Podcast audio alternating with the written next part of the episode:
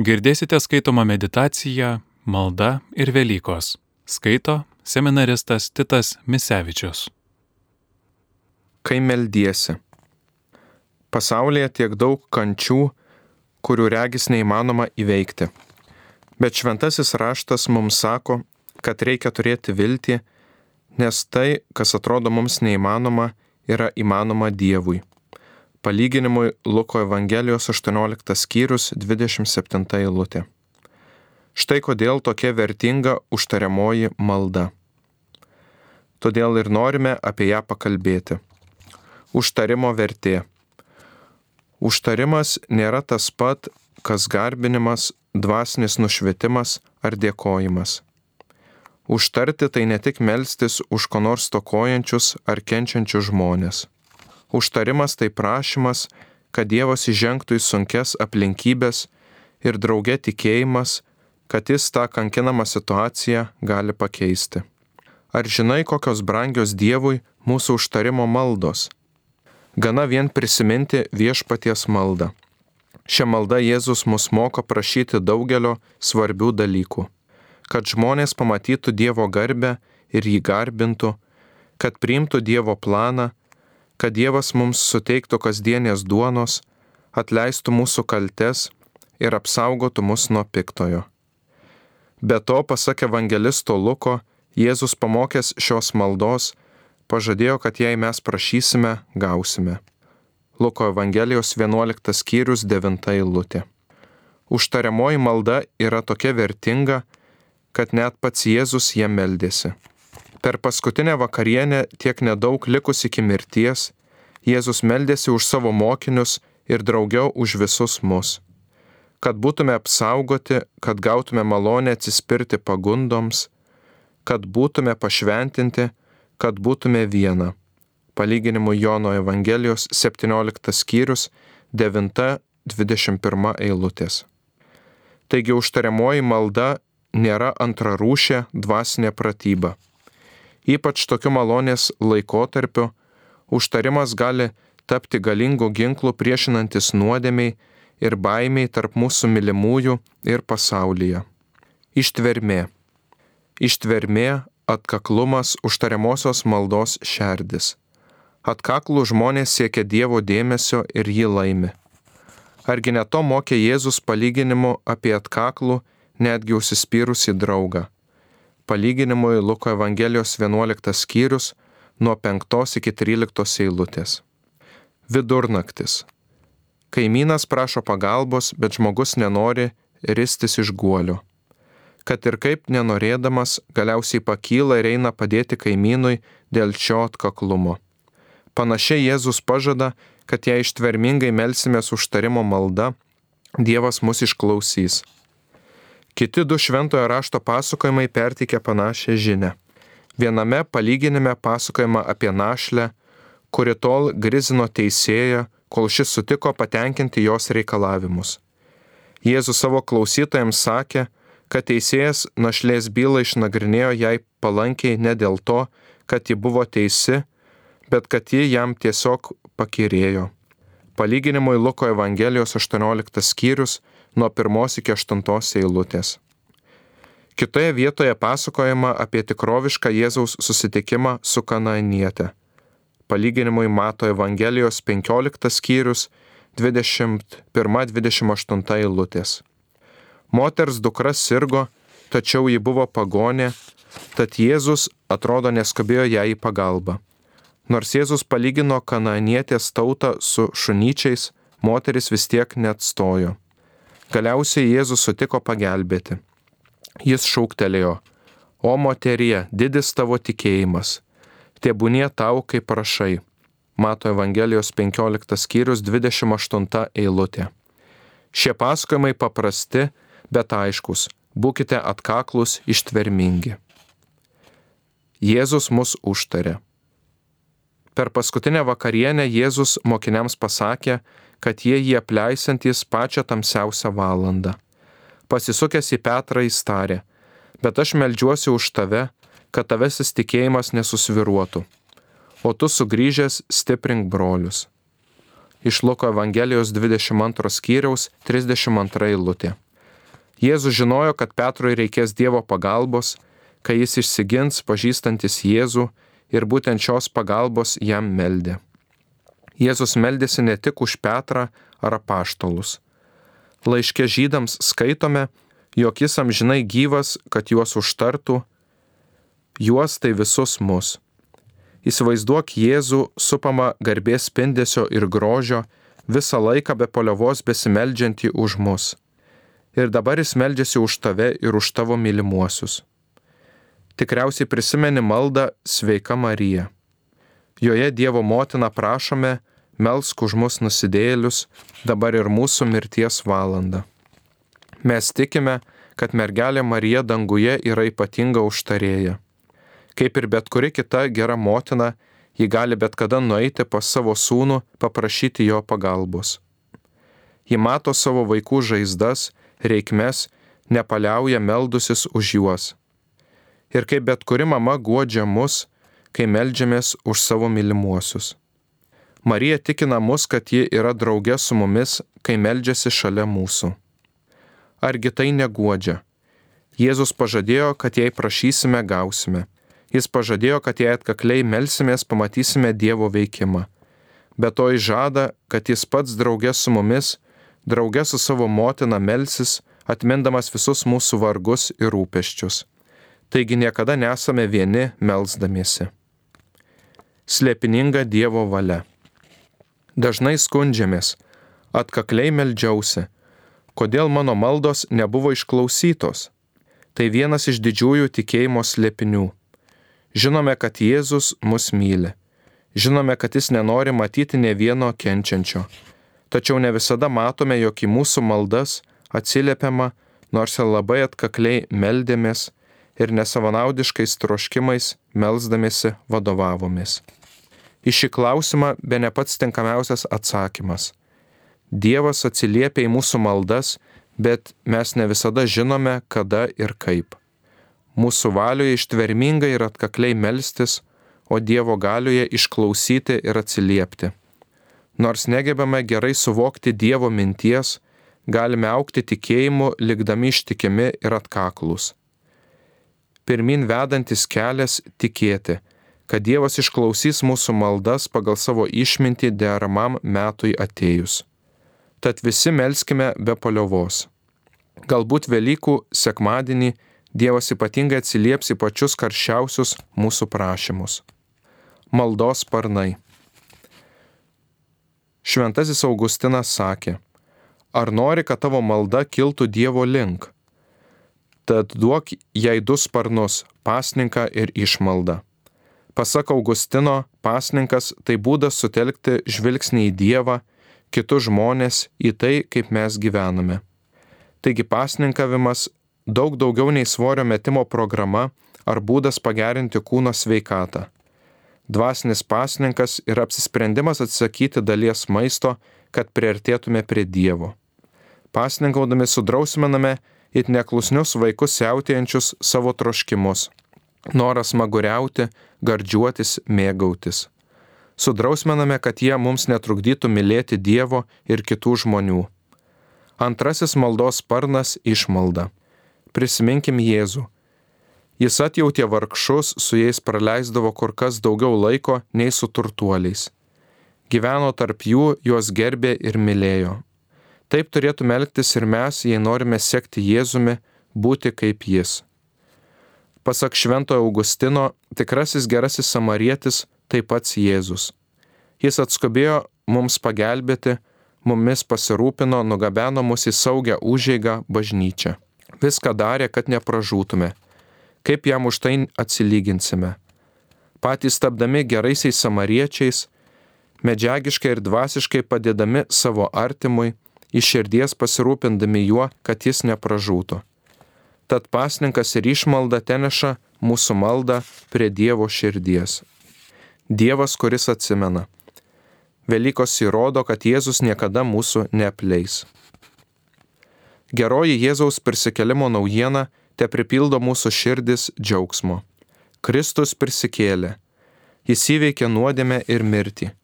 Jis nugalėjo piktai ir mus išlaisvino iš jo gneuštų. Prisikėlę su juo galime gyventi laisvi, ramus ir viltingi. Tai Evangelijos žinios šerdis. Ją švenčiame visų Velykų laikotarpį 50 dienų. Ja mums primena Velykų žvakė, kiekvieną sekmadienį užėbiama prieš mišes. Šią žinę spinduliuoja baltumu ir auksu tvyskantis liturginiai drabužiai ir mūsų visų gėdamas aleliuja. Kad ir kokia ši žinia yra šlovinga ir viltinga, taip lengvai ją pamirštame nuo vieno sekmadienio iki kito.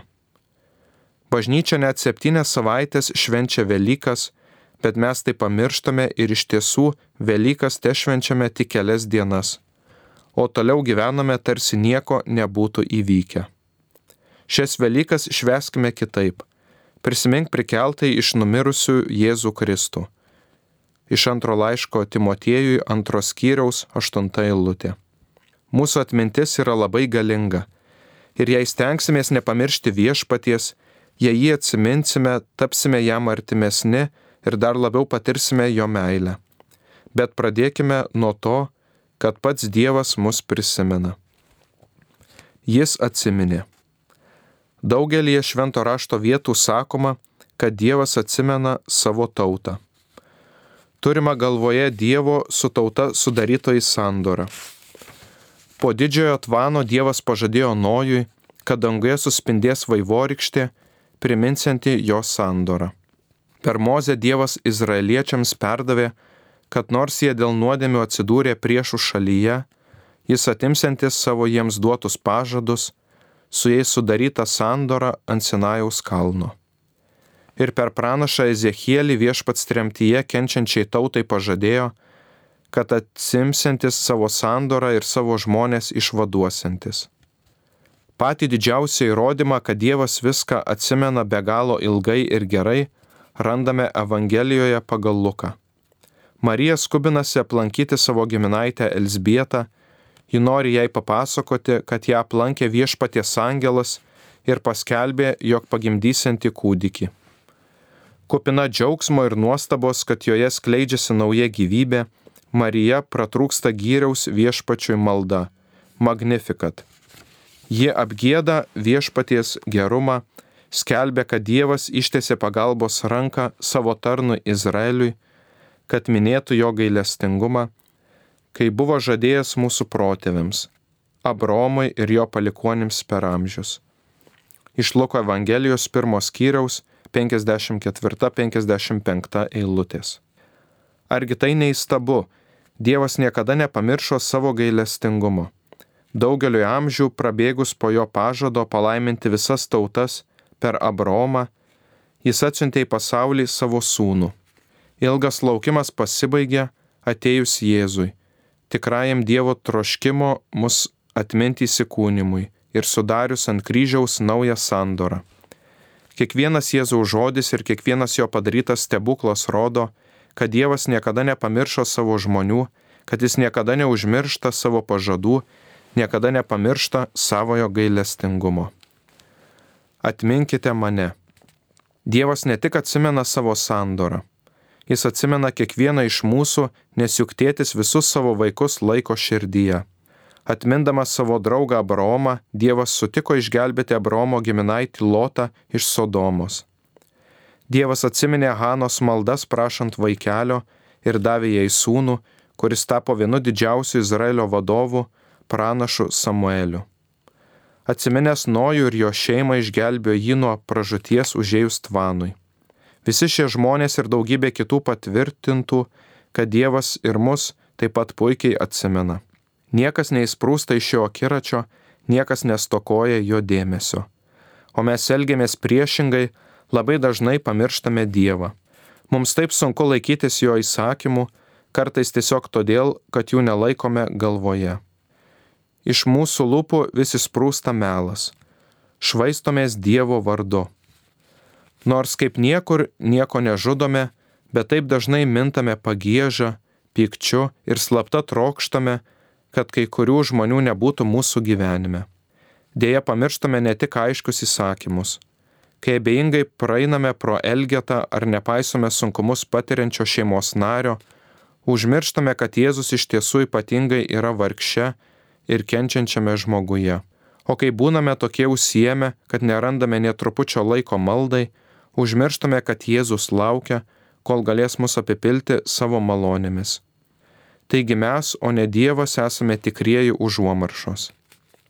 Mūsų atrankinė atmintis. Net linksma pagalvojus, kokia atranki mūsų atmintis. Užmirštame Dievo įsakymus, kai jie prieštarauja mūsų valiai, bet kaip puikiai prisimename, kada ir kaip kiti žmonės jų nesilaikė. Ypač gerai prisimename, kai jie nesilaikydami viešpatys įsakymų mus įskaudino ar padarė mums blogą. Užmirštame būti gailestingi žmonėms, bet atsimename, kai jie buvo negailestingi ir nemalonūs mums. Dažniausiai taip mastome tarytum savaime, tiesiog mūsų protas taip veikia.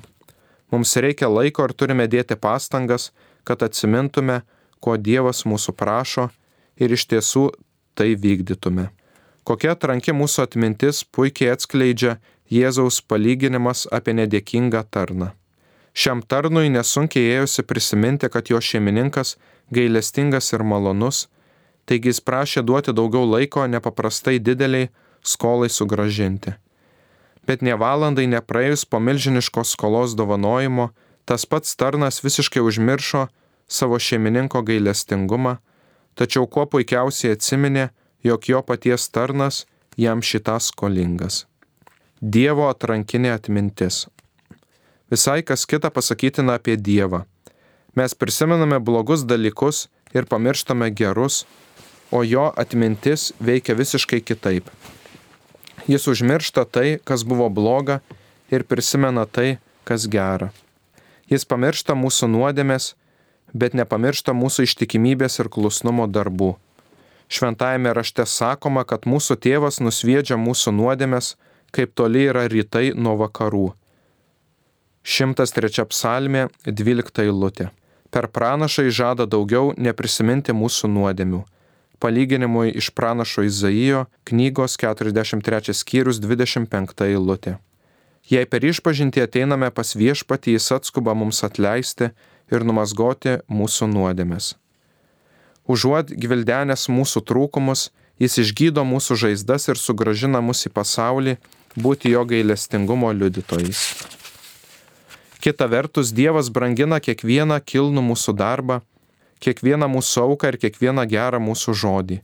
Jis laimina mus, kai skiriame savo laiką kitam padėti, ypač vienišam ar kenčiančiam žmogui. Laiškė žydams sakoma, kad Dievas nėra neteisingas.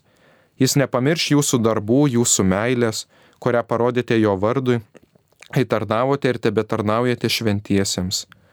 Kitas Biblijos pasakojimas irgi parodo, kiek toli siekia Dievo atmintis. Apaštalų darbų knygoje pasakojama apie pagonį karį vardu Kornelijus. Pasak pasakojimo Kornelijui pasirodė angelas, pasakė, Kornelijau tavo maldos išklausytos ir Dievas prisiminė tavo išmaldas.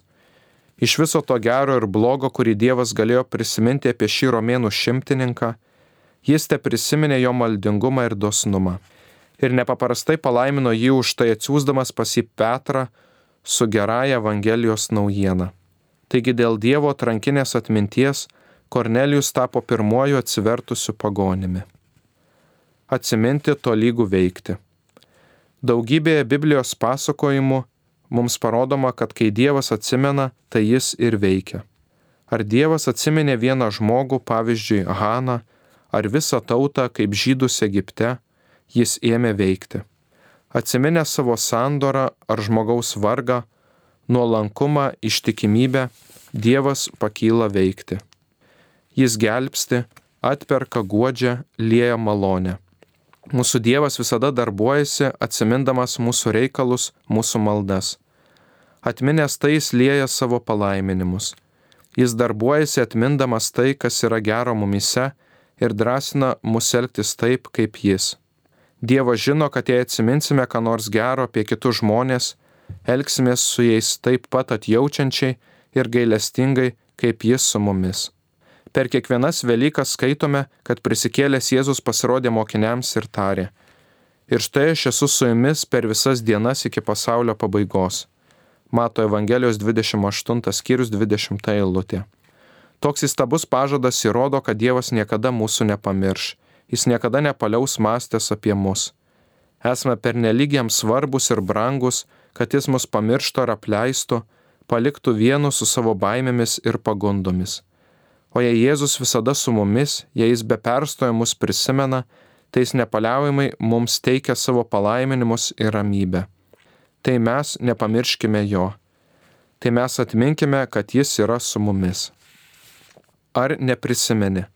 Prisiminkime Jėzų, taip patirsime jo ramybę. Alekso Haliai romane Šaknys pasakojame apie Kuntą Kintę, 18 amžiuje gyvenusį afrikietį sugautą, prievartą atgabentą į Ameriką ir parduotą į vergyją. Nelaisvės metais jis nesutiko įsižadėti savo afrikietiškos kilmės, paveldo ir nesutiko, kad jo šeima užmirštų savo šaknis. Nors daugybė jo pažįstamų vergų užmiršo, kad, kas jie buvo ir prisitaikė prie naujų sąlygų, Kuntė Kintė neleido savo šeimai įsimaišyti tarp kitų žmonių. Jis nenorėjo, kad jie pamirštų, kas jie buvo ir iš kur yra kilę. Kuntos Kintės požiūris nors ir kilnus, bet ir metantis didžiulį iššūkį, juk daug lengviau pasiduoti įsigalėjusiai nuomoniai eiti viena kryptimi su visais kitais. Mes tikintieji patiriame pagundą pamiršti, kad mūsų tikslas - dangaus garbė, kad neturime tenkintis gerovę pasaulyje kaip lengvai pamirštame savo paveldą ir laisvę Kristuje. Neleiskime, kad taip nutiktų. Velykos pats tinkamiausias metas atminti Jėzų ir jo mums laimėtą išganimą. Tai pats palankiausias metas, nes Velykos mums byloja ne tik apie Jėzaus mirtį, bet ir apie jo prisikelimą. Velykos sako, kad gailestingumas laimė prieš pasmerkimą, gyvybė prieš mirtį. Taigi nors kartais būna sunku išlaikyti savo paveldą, Velykos mus įtikina, jog verta atremti šį iššūkį. Mirtis netarė paskutinio žodžio, ne jokie sunkumai. Visą kur regime pergalę, jei prisimename prikeltą iš numirusių Jėzų Kristų. Tačiau ką reiškia prisiminti Jėzų? Ugdykis savo dvasinės nuojautas. Koncertuojantis pianistas begalę valandų repetuoja.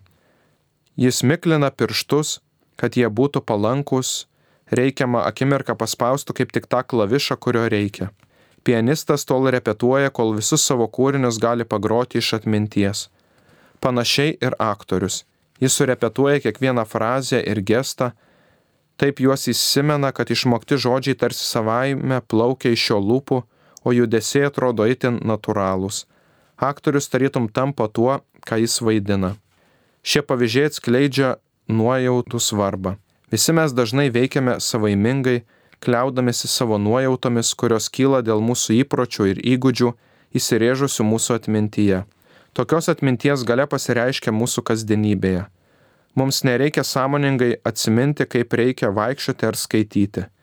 Visą tai darėme tiek daug kartų, kad atrodo, jog pats mūsų kūnas tai prisimena. Kalbant apie dvasinį gyvenimą, Dievas nori, kad visi mes taptume žmonėmis, kurie tarsi savaime nejučiomis laikosi jo įsakymų. Jis nori, kad savaime būtume dosnus, malonus, švelnus, mylintis ir gailestingi. Bet jis žino, kad kaip pianistas ir aktorius turi daug repetuoti, ugdydamėsi savo prigimtinius gebėjimus, taip ir mes turime praktikuotis, jog įsiugdytume dvasinės nuojautas, dvasinį savaimingumą. Štai kodėl Mozė sakė, rūpinkis, kad neužmirštum viešpaties savo Dievo. Štai kodėl psalmininkas sakė, kad tie, kurie atsimena, atsigręši viešpatį ir jį šlovins. Štai kodėl Paulius ragino feziečius atsiminti, kas jie buvo iki tol, kol neįtikėjo viešpaties. Visi šventieji žinojo, kad atminti yra esminga augdantis dvasinės nuojautas. Visi jie patyrė dangiškąją galybę nužengusią jiems atmenant Dievo žodžius ir pažadus. Jie numanė, kad visi gali gauti tokį patį palaiminimą, kaip jie, te reikia atsiminti. Atsiminti netgi tremtyje. Kaip svarbu atsiminti viešpatį rašoma Senojo testamento pasakojime apie Ezrą ir Nehemiją. 587 metais prieš Kristų galinga Babilonijos kariuomenė puolė ir sugriovė Jeruzalę, sudegino iki pat pamatų numylėtąją šventyklą. Kad nekiltų maištas apsupę daugumą iškeliausių žydų, babiloniečiai įsivarė juos į Babiloną.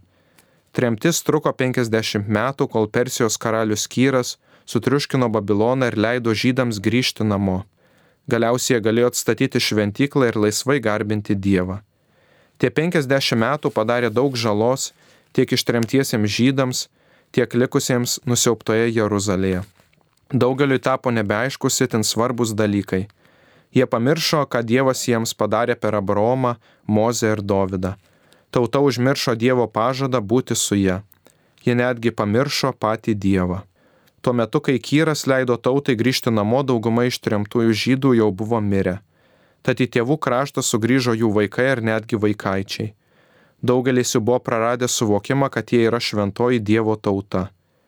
Mat tėvai to jų nemokė, tad nemažai jų netgi neskubėjo grįžti į savo protėvių kraštą. Tačiau kai kurios žydų šeimos atsiminė, jos noriai priėmė Kyro leidimą ir iškeliavo į Jeruzalę. Vienas iš šių vadovų buvo kunigas Ezra. Jis vadinamas antruoju Moze, mat kaip Moze vedė tautą į pažadėtąją žemę ir rūpinosi, kad ji priimtų Dievo sandorą. Ezra buvo gimęs Babilone. Jis niekada nebuvo lankęsis Jeruzalėje. Tačiau jis žinojo apie savo paveldą, to buvo mokomas ir jį brangino, bei atminė, todėl turėjo stiprybės ir galėjo vesti tautą atgal pas viešpatį. Pažadinti atmintį. Sugryžę į Jeruzalę žmonės pamatė, kad jų dvasinis gyvenimas labai silpnas. Jie negalėjo atsiremti ir į Jeruzalėje likusiuosius. Tai, kas įvyko Babilonė, įvyko ir čia žmonės pamiršo Dievą. Dauguma žydų visiškai užmiršo Dievą ir didžius jo darbus. Te praėjo 50 metų, visa buvo pamiršta. Bet Dievas jų nepamiršo. Tremtiniams sugrįžus Jeruzalė naujai atgyjo. Ezra mokė žmonės apie Dievą, priminė istoriją Jo žodžiai sujaudino žmonių širdis. Jis išjudino jų atmintį ir žmonės liepsningai atsiliepė. Pasklido malonė, sustiprėjo tikėjimas. Žmonės sujudo garbinti Dievą, įsižadėti nuodėmių ir pradėjo stengtis gyventi kaip šventa Dievo tauta. Juos taip sujaudino sukilę prisiminimai, kad jie griebėsi sunkaus darbo - atstatyti miesto sienas ir savo mylimą šventyklą. Įvyko tikra dvasinė revoliucija. Ezra niekada nebuvo abejingas Dievui, jis jo niekada nepamiršo, nors daugeliu jo tautiečių Dievas visai nerūpėjo. Dėl to, kad Ezra nepamiršo daugybė žmonių, sugrįžo pas viešpatį, Jeruzalė ir šventykla buvo atstatytos. Visa tai vyko, nes Ezra ir kai kurie žmonės prisiminė. Ar neprisiminė? Po varginančio ginčio su fariziejais Jėzus mokinius pabarė dėl tikėjimo stokos. Turite akis ir nematote, turite ausis ir negirdite? Argi neatsimenate? Jėzus juos supeikė, nes jie neprisiminė duonos ir žuvų padauginimo stebuklo. O jei ir atsiminė patį įvykį, neprisiminė, ką jis reiškia, neprisiminė, kas yra tikroji gyvybės duona. Jėzus norėjo, kad mokiniai tuos įvykius prisimintų, kad tai būtų stiprinamas jų tikėjimas juo. Jėzus norėjo, kad jie juo pasitikėtų, netgi tokiamis aplinkybėmis, kai rodės keli tūkstančiai žmonių liks alkani. Jis buvo pasiryžęs pasirūpinti savo žmonėmis ir jo mokiniai turėjo tai žinoti. Jėzus ir mums užduoda panašius klausimus. Ar atmeni, kaip vandenį paverčiau vynu? Ar atmeni, kaip atvėriau aklojo akis?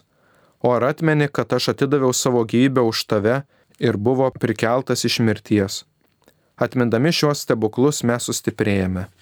Atmindami Jėzaus žodžius tampame pajėgus juo tikėti.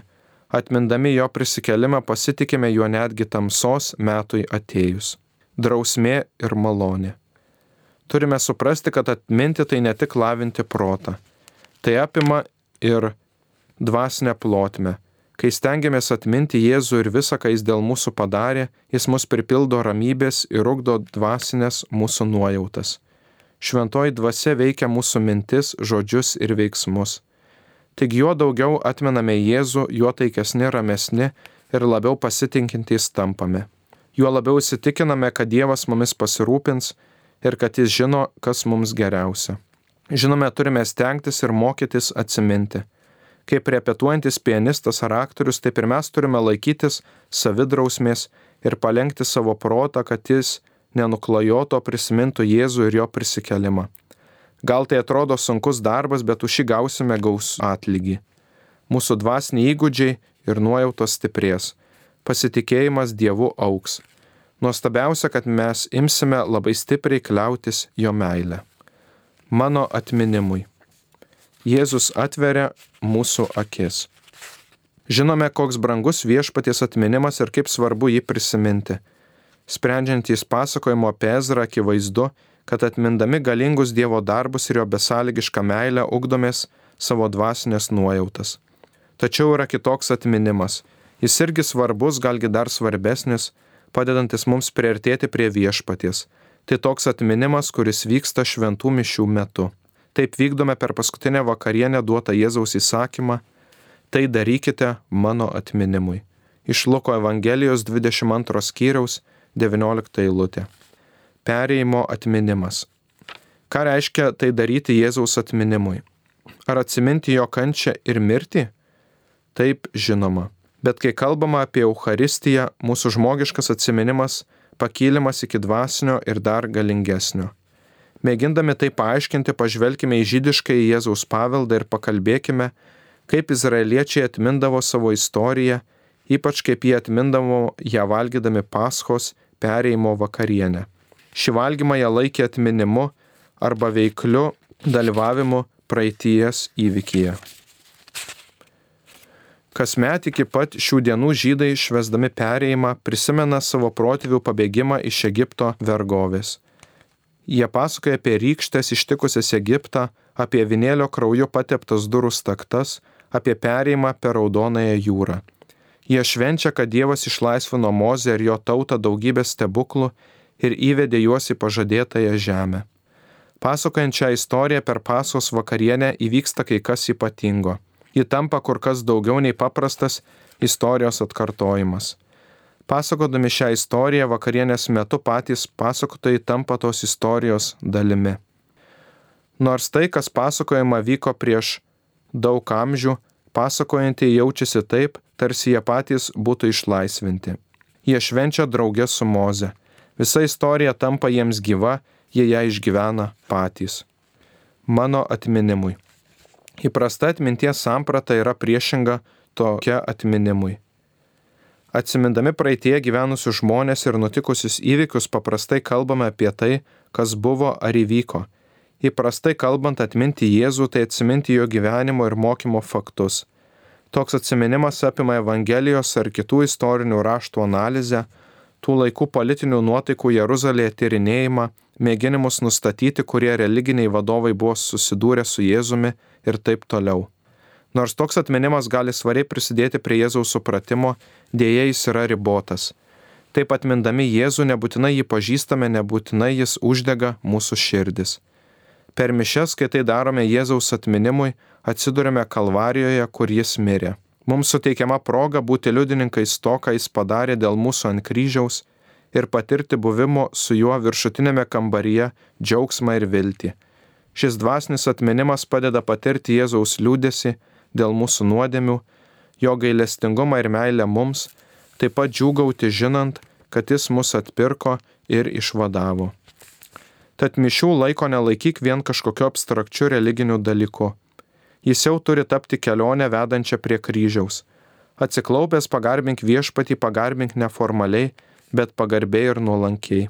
Tavo širdis tegul susijaudinusi byloja. Jėzau visa, kas man brangu, tai yra nuostolis palyginti su tavimi. Jų akis atsivėrė. Švesdami mišes prisimename, kad Jėzus mirė dėl mūsų nuodėmių, kad jis prisikėlė iš mirusiųjų ir vėl garbingai ateis. Atmindami tai, kas įvyko prieš 2000 metų, suteikiame Jėzui progą pripildyti mūsų širdis ir atverti mūsų akis. Evangelija pasakojame apie mokinius keliaujančius į Emausą, parodo, kad Jėzus labai nori atverti mūsų akis ir širdis. Neatskleisdamas, kas esas, prisikėlęs Jėzus sutinka du mokinius, keliaujančius namo į Emausą iš Jeruzalės. Jie ėjo nusiminę, nes Jėzus buvo nukryžiuotas. Mokiniai mane, kad visa, ką Jėzus sakė ir žadėjo, galiausiai labai liūdnai baigėsi. Jėzus jų tikėjimui metė iššūkį. Jis paklausė jų, ar jie atmena, kas apie jį buvo sakyta šventajame rašte. Ir jis mokiniams priminė visą, ką pasakė ir padarė būdamas su jais. Jam kalbant, mokinių širdise sužybo viltis ir lūkestis. Trijulėje atkeliavus mokiniai prašė Jėzų pasilikti su jais vakarienės. Šios metu Jėzus palaimino valgį. Palaimino ypatingai. Paėmė duoną, ją laimino, laužė ir davė jiems. To jau jų akis atsivėrė ir jie pažino Jėzų, bet jis pranyko jiems iš akių. Netverdami džiaugsmu jie nusiskubino Jeruzalėn papasakoti kitiems, kad matė Jėzų, kai jis laužė duoną. Užmiršti ir atsiminti. Mokinių vidinės akys atsivėrė. Žinoma, jie tikėjo Jėzų ir jį mylėjo, kol jis gyveno žemėje. Tai kasgi kitas galėjo taip nuliūdinti juos nei Jėzaus mirtis? Jėzaus mirtis tarsi neperegimų šydų uždengė visą, kas buvo svarbu iki tol. Jie užmiršo jos stebuklus, užmiršo, kad Jėzus daugelį kartų jiems žadėjo, jog jis bus suimtas ir nukryžiuotas, tačiau prisikelsintis iš numirusių. Jie pamiršo, ką reiškia juo tikėti. Tačiau per tą ypatingą vakarienę Emausę sugrįžo visi jų prisiminimai. Negana to akis atsivėrė. Jų tikėjimas pakilo į visiškai naują lygmenį. Ir mes kaip Emauso mokiniai galime pamiršti kasdienybės rūpeščiai, iššūkiai sunkumai ir išmėginimai, kaip didžiuliai debesys apkloja mūsų protą. Ir netgi jei elgiamės teisingai, kartais prarandame minčių skaidrumą, aiškumą Todėl vienas įstabiausių palaiminimų yra mišios. Kas kart, kai Jėzus laužo duoną dėliai mūsų, mūsų atmintis tarytum sukibirkčioje. Kai Jėzaus žodis skelbiamas, mūsų širdys ryškiau sušvinta. Ta meilė ir malonė, kurias jis nori mums duoti, neturi pabaigos. Jos neišsenkamos.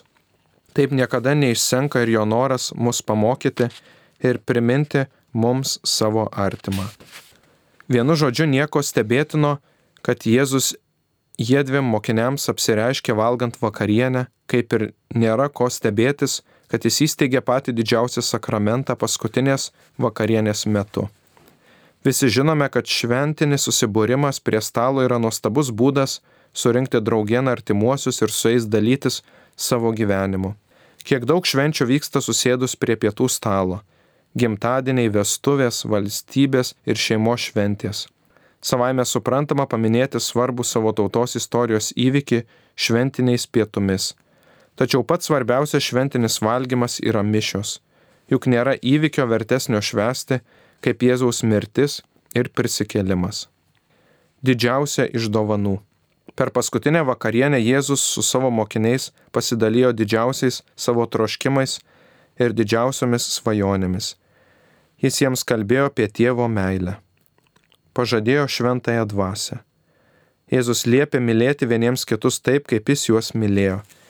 Jis netgi numasgojo paštalams kojas, taip duodama ženklą, kad nori jiems tarnauti ir jais rūpintis. Jėzus padarė tiek daug svarbaus, pasakė tiek daug esminių dalykų. Bet netgi po viso to Jėzus nustebino mokinius padarydamas visiškai naują dalyką.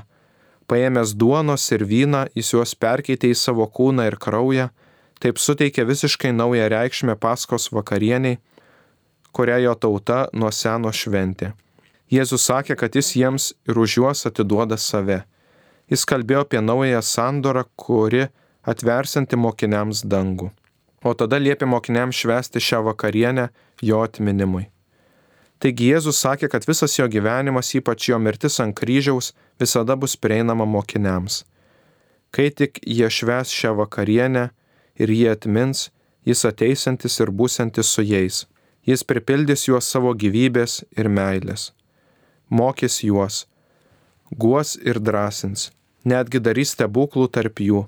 Čia šiame šventajame valgyje jie ras šaltinį ir viršūnę viso to, ką Dievas jiems norėjo duoti, te reikia atsiminti ir tikėti. O kaip mes? Jėzus nori mums atsiduoti per kiekvienas šventasias mišes tad pasiruoškime jį priimti. Ateikime atsiminti mūsų prisikėlusio viešpaties ir gelbėtojo. Įdėmiai jo klausykime ir prašykime jį dar labiau atverti mūsų akis ir širdis. Girdėjote skaitomą meditaciją Malda ir Velykos. Skaitė seminaristas Titas Misevičius.